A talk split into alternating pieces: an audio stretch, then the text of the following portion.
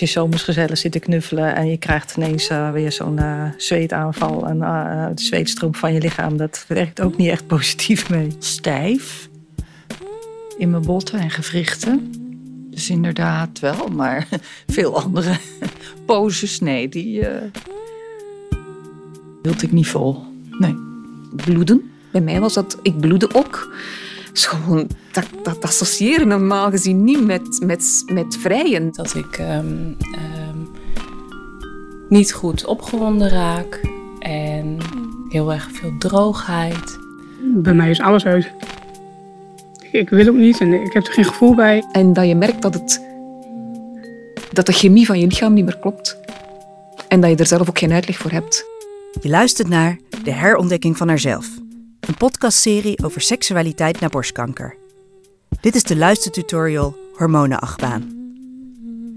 Deze podcastserie wordt gemaakt door artsonderzoeker Tessa Steenbrugge, psycholoog-onderzoeker Lisanne Hummel en mijzelf, Gian van Gunsven. En ik ben journalist en presentator. De chemie van jouw lichaam is waarschijnlijk ook veranderd. Je bent behandeld voor borstkanker. Je hebt onder andere een operatie gehad, misschien in combinatie met bestraling en chemotherapie. En waarschijnlijk krijg of kreeg je ook hormoontherapie. Waar we het hier over willen hebben is dat hormonen een belangrijke rol spelen in je seksbeleving. En dat de hele behandeling dus nogal wat gevolgen kan hebben voor je seksualiteit. In het eerste deel van deze tutorial vertelt internist-oncoloog Jacqueline Stoutart over de gevolgen van de hormoontherapie en soms chemotherapie op je hormoonhuishouding het omgaan met dit soort klachten is in zoverre ingewikkeld. Het komt niet door één ding. Daarna gaat seksuoloog Elle Laan in op de invloed van hormonen op je seksualiteit. Ik vind dat vrouwen echt voorlichting moeten hebben over wat hormonen doen op seks. Ehm, wat er kan gebeuren uh, als jij inderdaad je eierstokken niet meer hebt. Um, zodat je je daar van het begin af aan aan kan aanpassen. Ten slotte geeft Elle verschillende tips. Tussendoor hoor je de persoonlijke verhalen van Kim en Maria, die allebei chemotherapie en hormoontherapie kregen voor de behandeling van hun borstkanker.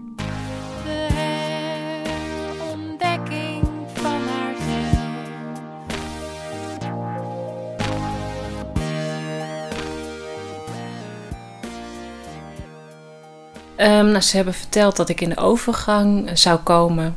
En nou ja, daar horen de opvliegers bij, et cetera. En uh, nou ja, het, het feit dat je nu dus geen kinderen kunt krijgen op dit moment. Maar verder eigenlijk niks. Dat kwam pas toen ik zelf onderzoek ging doen en naar de gynaecoloog ben gegaan. En die vertelde, ja, jouw lichaam is nou als een 50-jarige, zeg maar. En die hebben nou eenmaal minder seks. Daar kon ik het mee doen. Dat zijn de woorden van de gynaecoloog? Ja, was je reactie? Ja, ik moest heel erg huilen. Ik dacht, dat kan toch niet?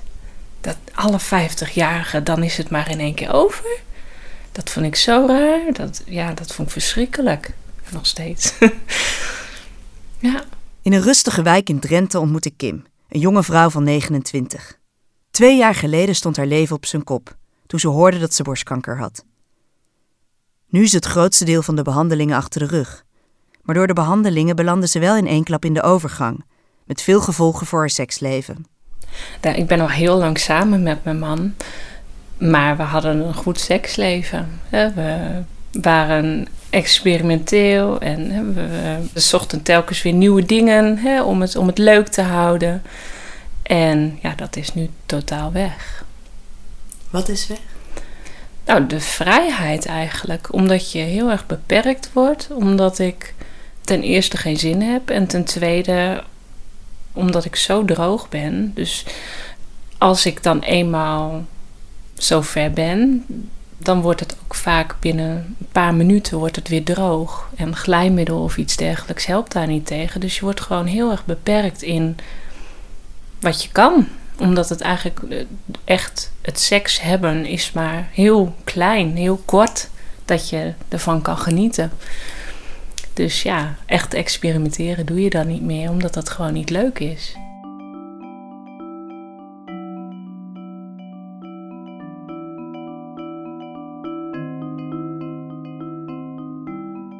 Ja, ze kon zeker de zin hebben. sfeer was goed, de relatie was goed. Dus je begint uh, vrolijk zoals altijd. En het loopt gewoon vast. Maria, een levenslustige vrouw. We zouden het haar niet geven, maar ze is 66 jaar. Ze was 59 toen ze de diagnose borstkanker kreeg. Ze was de overgang toen al voorbij. Ja, bij mij uh, was het vooral door de hormoontherapie uh, veel te pijnlijk. In de bijsluiter staat uh, droge vagina. Maar dat het gewoon voelt alsof je, ja, dat het brandt en pijn doet. En echt heel erg pijn doet. Ja, dat had ik niet verwacht. En ook, ja, wat ga je dan doen, hè? Door de hormonale veranderingen is uh, het slijmvlies dunner, geloof ik. En droger. En dat maakt het gevoeliger. Clitoris is gevoeliger. Niet op een prettige manier gevoeliger hm. bij het vrijen, maar pijnlijker dus. Of gevoelloos of pijnlijk. Dat zijn van die details in je seksuele ervaring die veranderen, ja, die je niet zo gauw gaat bespreken met iemand. Tenminste, ik zou niet weten met wie.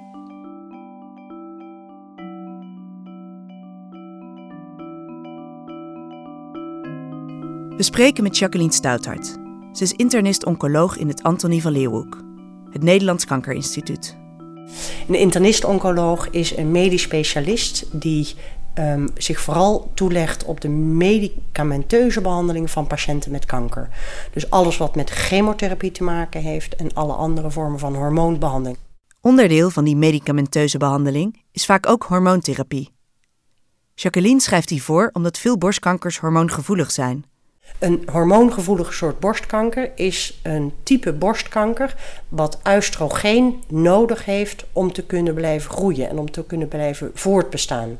En daaruit vloeit eigenlijk al voort dat als je dat oestrogeen, die hormooninvloed, zou kunnen blokkeren, zo'n kankercel ook niet meer zo goed kan groeien en misschien zelfs afgeremd kan worden in zijn groei. En dat is natuurlijk precies wat we willen. En dat geldt dus voor ongeveer 80 tot 85 procent van alle vrouwen die borstkanker hebben. Die hebben zo'n hormoongevoelige soort.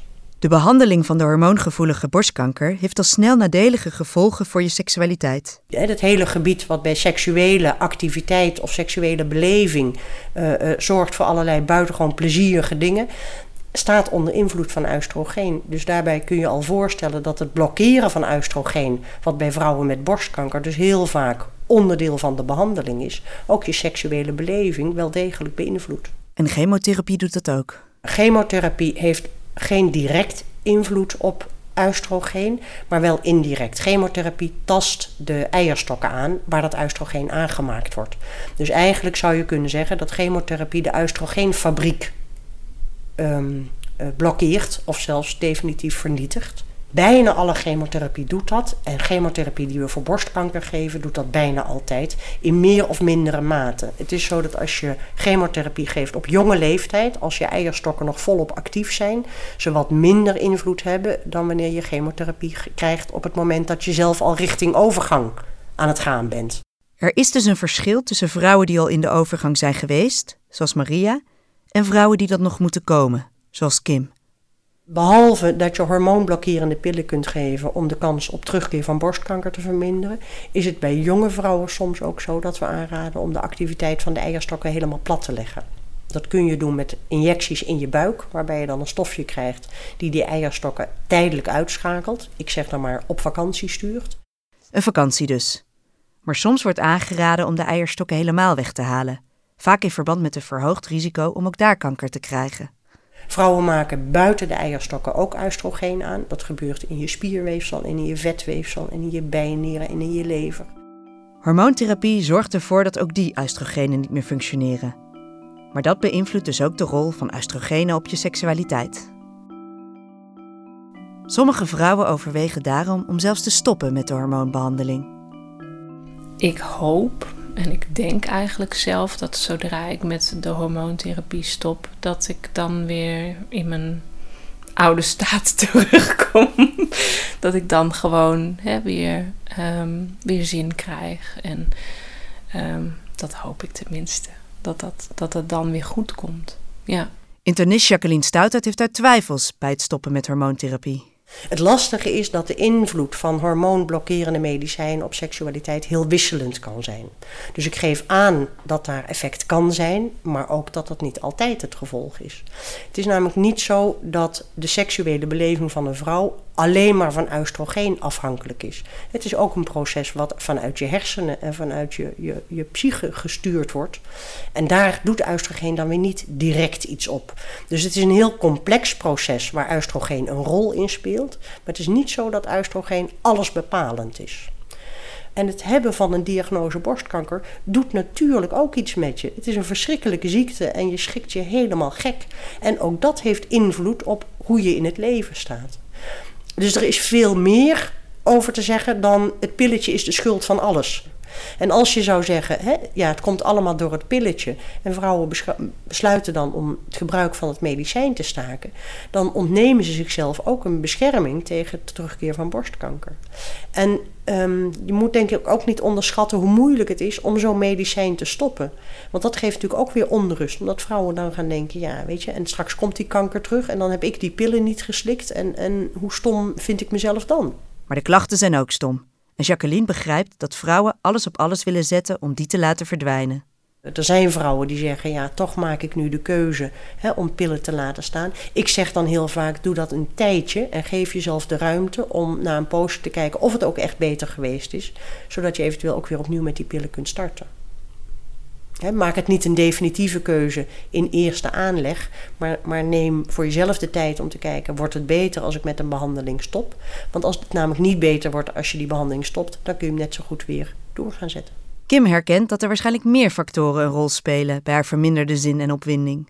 Ja, ik denk dat dat ook een grote rol speelt. Mijn lichaam is natuurlijk veranderd. Ik kijk ook heel anders naar mijn lichaam. Het voelt niet meer echt als mezelf, als mijn eigen lichaam je hebt natuurlijk een heleboel littekens erbij. Ehm, wat het ook moeilijker maakt, omdat je er letterlijk mee geconfronteerd wordt. Dus ik denk dat dat zeker meespeelt.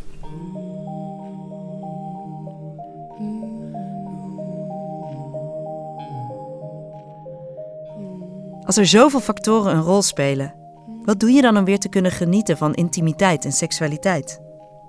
We gaan langs bij Elle Laan. Psycholoog, seksoloog, hoogleraar seksologie aan het AMC. Wat is het belang van oestrogenen voor je seksbeleving? Als je nog niet in de overgang bent dan, en nog voldoende oestrogenen hebt, dan is je vagina eigenlijk altijd een beetje vochtig. Afscheiding heb je dan, het is altijd een beetje vochtig. Dat betekent dat je zonder al te veel opwinding wel in principe vaginale penetratie kunt hebben zonder al te veel pijn of ongemak. Of het er lekker van wordt, is maar zeer de vraag.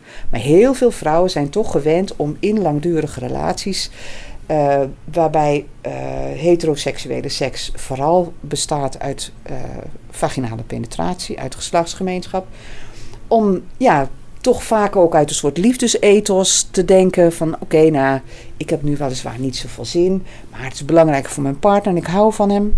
en we hebben een relatie, seks hoort erbij, hoor je heel veel vrouwen zeggen. Um, dus die hebben dan geslachtsgemeenschap terwijl ze eigenlijk zelf niet zo opgewonden zijn. Als dat zo is, en je verliest je oestrogenen en daarmee ook die vochtigheid van de vagina als je niet seksueel opgewonden bent, dan gaat dat allemaal niet meer zo makkelijk. Uh, dat is wat vrouwen in de overgang verliezen. Dus vaginale droogheid komt door de overgang. Dat is dus niet helemaal zo.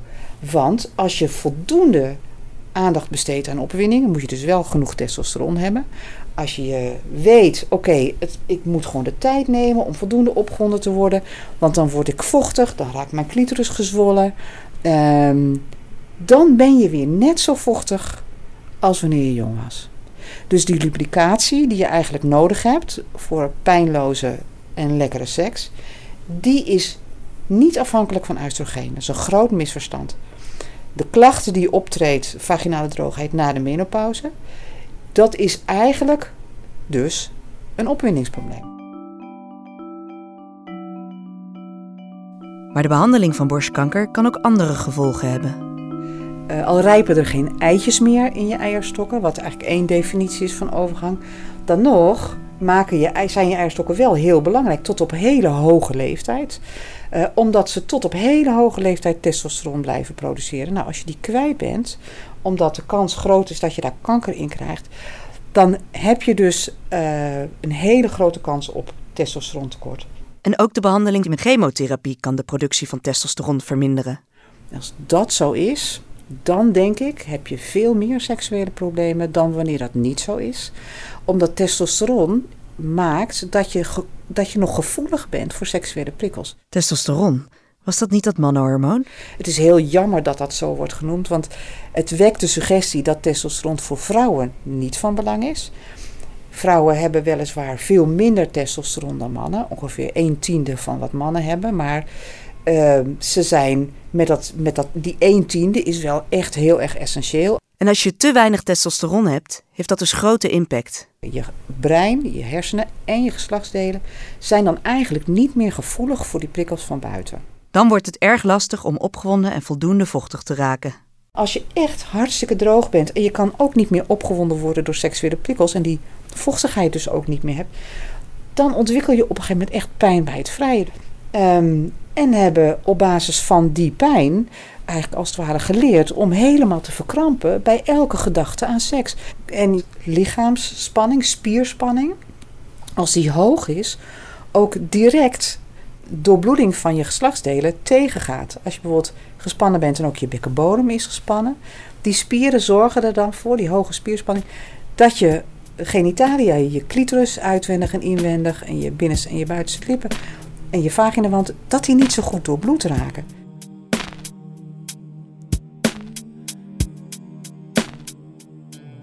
Wat zijn mogelijke oplossingen? Hoe zit het met glijmiddel? Vaak wordt glijmiddel in verband gebracht met: oké, dan doe ik, gebruik ik glijmiddel en dan kunnen we gemeenschap hebben.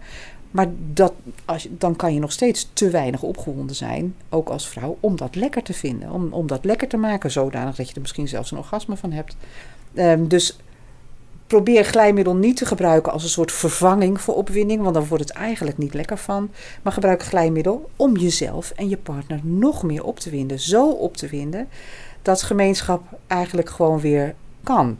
Als je ja, geduld met jezelf hebt, als je compassie met jezelf hebt, als je uh, tijdens het, het vrije ook geen haast hebt. Uh, als je je lichaam goed kan ontspannen. Als je een partner hebt die weet welke plekjes van jou je ontspannen en je opwinden. En jezelf toestaat om misschien ook een wat passievere, nou laat ik zeggen, een ontvangendere rol te hebben in plaats van een gevende rol.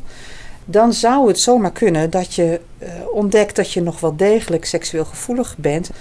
Um, als je er vertrouwen in hebt dat je die dingen doet die voor jou uh, opwindend zijn, dan kan je ook rustig blijven, ja, ik zou bijna zeggen wachten, tot dat moment zich aange, aangediend heeft. Als je, en hoe ontspannender je lichaam is, hoe makkelijker en hoe eerder dat moment uh, uh, aanbreekt.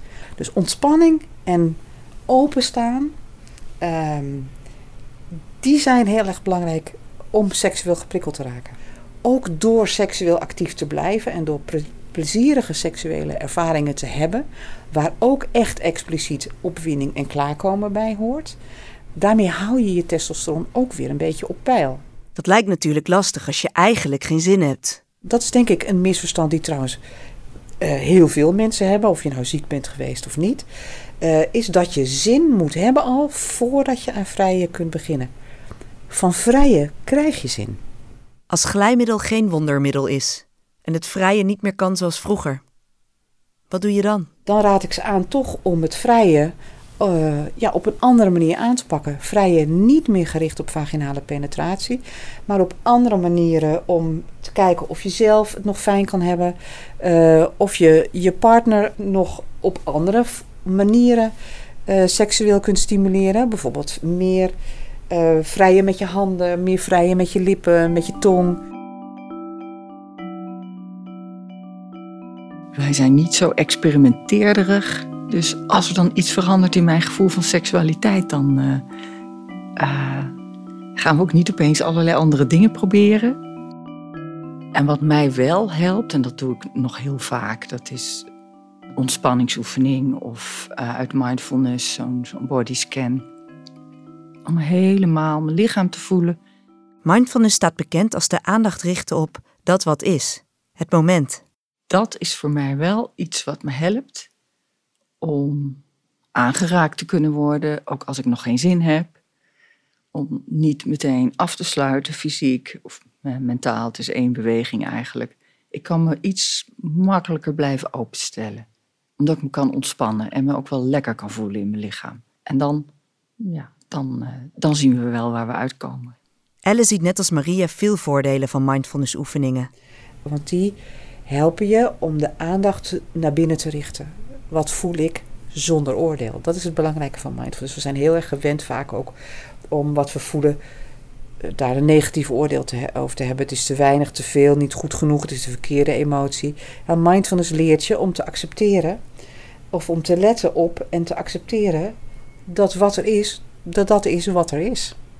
Om opgronden te raken heb je eigenlijk um, gevoelige zintuigen nodig. En moet je met je aandacht naar, naar binnen gaan, naar je lichaam gaan. Wat voel ik? Uh, hoe voelt het? Uh, in plaats van bezig zijn met de ander. Ook internist-oncoloog Jacqueline Stouthart bevestigt het belang van accepteren wat er nu is. En van daaruit verder zoeken naar nieuwe manieren om te genieten van seks en intimiteit. Het is vaak lastig voor vrouwen om dan weer een nieuwe balans te vinden. De oude balans vind je ook niet. Ik leg vaak aan vrouwen uit dat dat echt een aantal jaar duurt. En drie jaar is dan eigenlijk nog maar een korte tijd. Dus zo lang duurt het voordat je de balans in het leven weer hervindt. Nadat je zo'n ingrijpende diagnose en behandeling aan je broek hebt gekregen. Ik denk zeker dat je de tijd moet nemen om dat lijf weer helemaal opnieuw te herontdekken. Zelf, en ook uh, samen met je partner. Nou, ik gun mezelf de tijd en de ruimte om aandacht te besteden aan mijn eigen lichaam, maar ook aan mijn eigen seksualiteit. De herontdekking van haarzelf. Je luisterde naar De herontdekking van haarzelf, de luistertutorial Hormonenachtbaan. Gemaakt door Lisanne Hummel, Tessa Steenbrugge en mezelf, Gian van Gunsven. We maakten ook luistertutorials over borsten, intimiteit en relatie en vermoeidheid. In de tutorial over vermoeidheid besteden we meer aandacht aan hoe mindfulness kan helpen je lichaam te herontdekken. Alle afleveringen zijn behalve op onze website www.deherontdekkingvanhaarzelf.nl ook te beluisteren via iTunes en de podcast-app op je smartphone. Voor nu danken wij voor techniek en montage Alfred Koster. Voor muziek Mira van der Lubbe en Eva van Manen. En uiteraard alle geïnterviewden. Deze podcast is mede mogelijk gemaakt door Memides Pharma, Ropa Run en het Antonie van Leeuwenhoek.